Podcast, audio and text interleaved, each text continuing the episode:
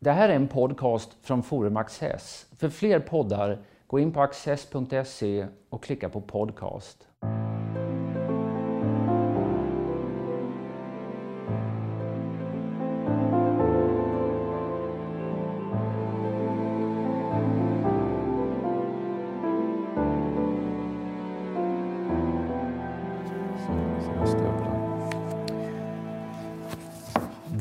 Pratar om boken Museerna klarar staten av sitt uppdrag. Och eh, med oss här är Cecilia Lindqvist, eh, en av Sveriges främsta synologer, författare och professor som deltar i boken med en essä. Välkommen hit Cecilia. Tack. Din essä har titeln Ett kulturmord i vardande. Och du inleder med förslaget från Statens museer för världskultur och överintendent Ann Folin om en sammanslagning av Östasiatiska, Medelhavsmuseet och Etnografiska museet i Stockholm. Detta skulle innebära en katastrof och måste stoppas, skriver du, eftersom man förlorar både identitet och historia för dessa kulturinstitutioner. Cecilia, har kulturmordet stoppats? Ännu inte. Jag hoppas att det ska vara möjligt att göra. Det är en väldigt kraftig opinion mot det här förslaget. Både från de olika museerna men också från annat håll. Och det har samlats in många tusen namnunderskrifter på att man måste stoppa det. Mm. Är det okunskap eller är det medveten eh, vilja att genomföra en sånt här kulturmord från politikerna? Ja, alltså det är ju inte politikerna som eh, kommer kommit med det här enfaldiga förslaget. Utan det är ju Ann Folin som är överintendent nere på Statens museer för världskultur i Göteborg. Och eh, anledningen till det här det är ju att man byggde det stora världskulturmuseet i Göteborg. Det är 12 13 år sedan nu. Och det drar så oerhört mycket pengar. Det var för stort, det var för dyrt från början. Och det har visat sig att allt det som kritikerna förde fram emot det här museet och sammanslagningen, det har blivit verklighet. Detta enda museum drar 42 procent av samtliga driftskostnader för hela myndigheten. Och det betyder att för de tre museerna här i Stockholm så blir det väldigt lite kvar. Och det skulle vara alltså att det, museerna är ovärderliga när det gäller att hantera alla de här viktiga länderna som finns utan, långt utanför från vår värld. Och, eh, om de inte, som nu är, får ha en egen chef, de får inte ha tillräckligt många intendenter. På det stora biblioteket här på Östasiatiska, där fanns det tidigare tre stycken bibliotekarier som växlade om. Nu, och de kunde kinesiska eller japanska. Och det är ett av världens största sinologiska bibliotek den person som nu sköter det på halvtid kan varken japanska eller kinesiska och ska sköta ett bibliotek som huvudsakligen består av, av böcker från Japan eller Kina.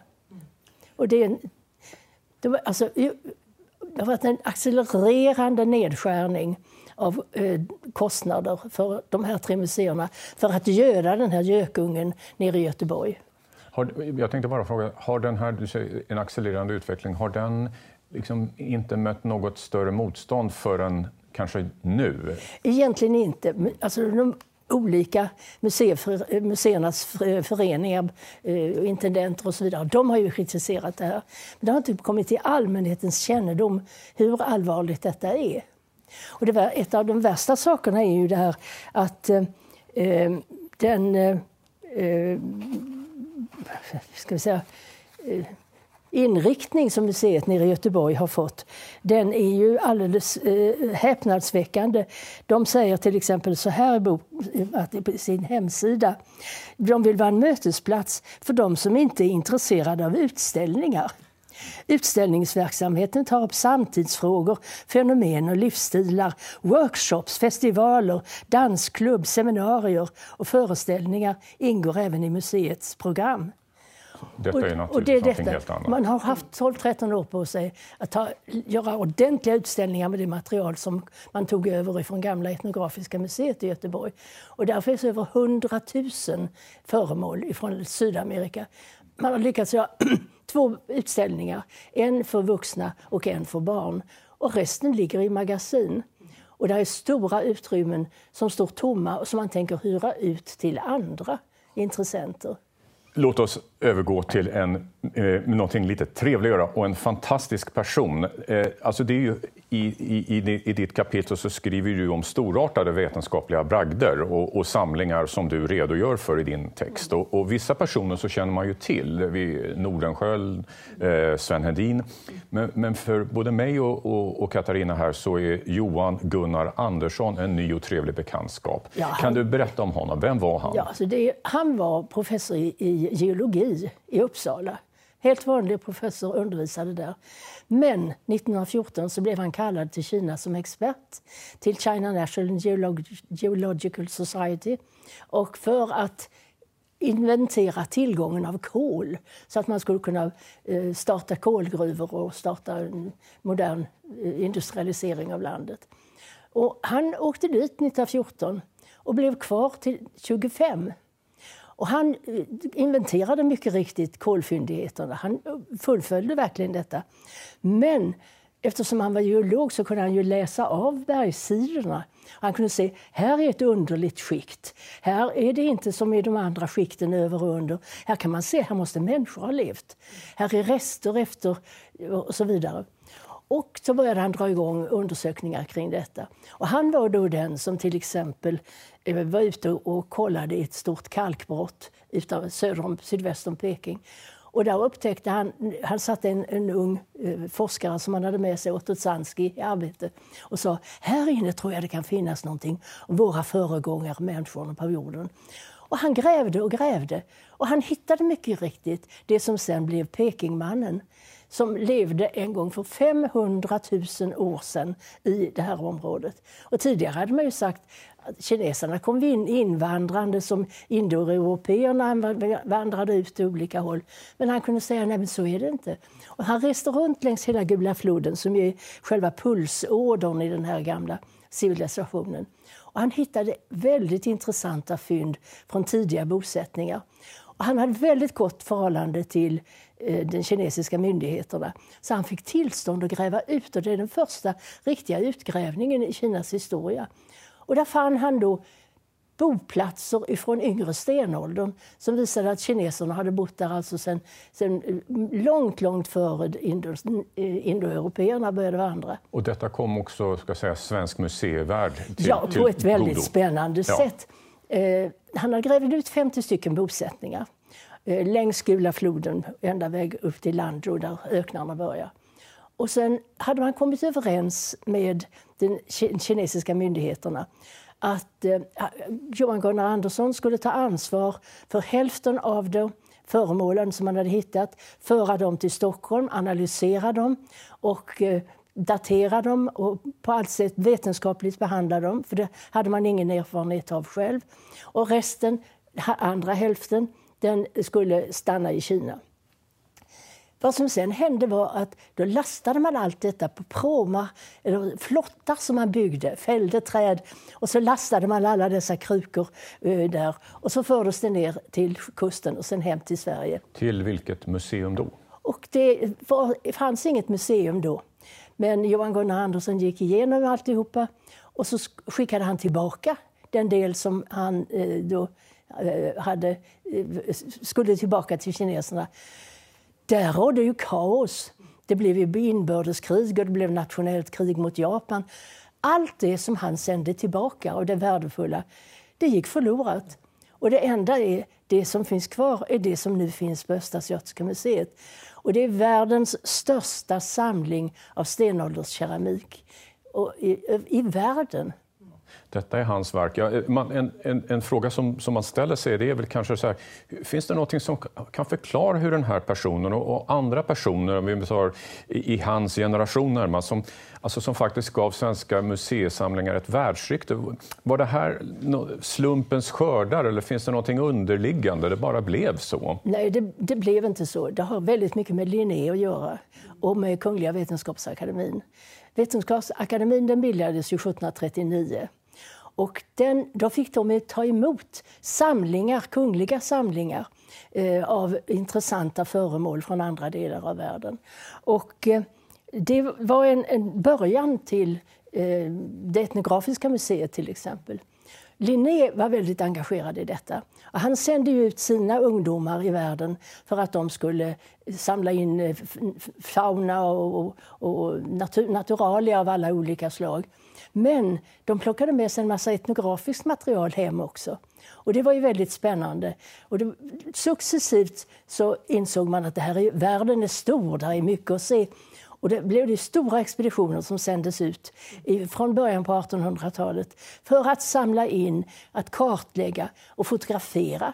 Man har en väldigt stor enastående samling med eh, glasplåtar som togs av, av eh, en av fotograferna som följde med på en av de här stora. Apropå de övriga, övriga delar av världen och Europa, hur ser situationen ut för andra museer, liknande museer i Europa? Är det samma problematik som Sverige har med sammanbuntning? Eller? Inte så vitt jag vet. Det är unikt för eh, Sverige? Alltså. Nej, det är Sverige nu som är eh, bristande kulturmedvetenhet, tycker jag att man måste säga. Att man inte inser hur värdefullt det är. Samlingarna är viktiga, men jag skulle också vilja lyfta fram att alla de människor som engagerade sig är oerhört viktiga. De här hängivna forskarna som gav sig ut och som reste iväg på årslånga resor under väldigt stora strapatser för att kartlägga Sydamerika, Asien och så vidare, alla de här olika länderna. Det, de är ju oerhört viktiga för vår egen kulturhistoria.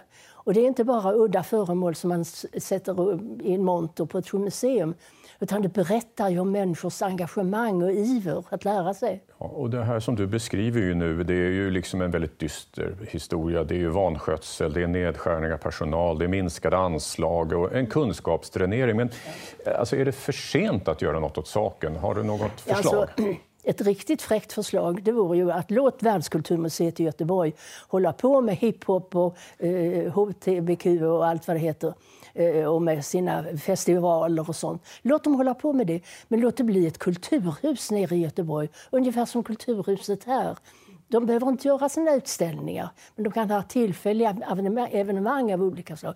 Låt de tre klassiska museerna här uppe i Stockholm få leva kvar och få ha kvar sin identitet och ge dem de medel som behövs.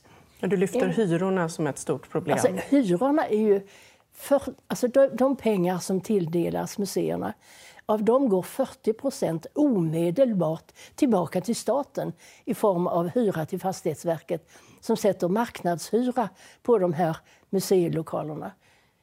Vilket ju är kontraproduktivt. Motverkar direkt kultursyftet med varför ska man ha museer. För nu buntar man ihop samlingarna och förlorar Ja, då skulle man göra så. Man plockar ut några snygga grejer eh, ifrån de olika museerna, klämmer in dem ute på Etnografiska museet där ute och så lägger man resten i, i malpåse på ett stort magasin. Och det kostar miljoners miljoner att packa in alla dessa dyra grejer och att förflytta dem och placera dem på något annat ställe.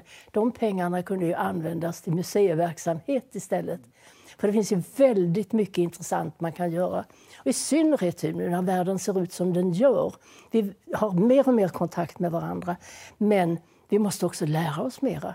Vi måste veta någonting om deras historia för att förstå varför de reagerar som de gör. Och vad är det deras identitet måste vi förstå oss på. För visst är det så också att eh, Medelhavsmuseets samlingar från Cypern hör till en av världens bästa. Ja, det är det. Men alltså att den samlingen är unik. Överhuvudtaget är det många av eh, Medelhavsmuseets samlingar som är unika. Kronprins Gustav Adolf till exempel, han reste på 30-talet eh, till Egypten. hade mycket nära för, eh, förbindelse med de egyptiska fornminnesmyndigheterna. Eh, och fick, och fick köpa direkt av dem föremål som han sen donerade då till Medelhavet. Och där eh, finns de, alltså finns mycket märkvärdiga saker från Luristan, där finns ifrån från den, från gamla Nineve och så vidare. Och de är den största samlingen i, eh, i Sverige av islamisk eh, måleri till exempel och bokverk. Så att det är enastående. Och allt detta riskerar att... Hamna i ett magasin ute i i ja, Tullinge. Det, detta är sannerligen ett kulturmord i vardande. Cecilia, ja. tack för att du kom hit. Tack för att jag fick komma.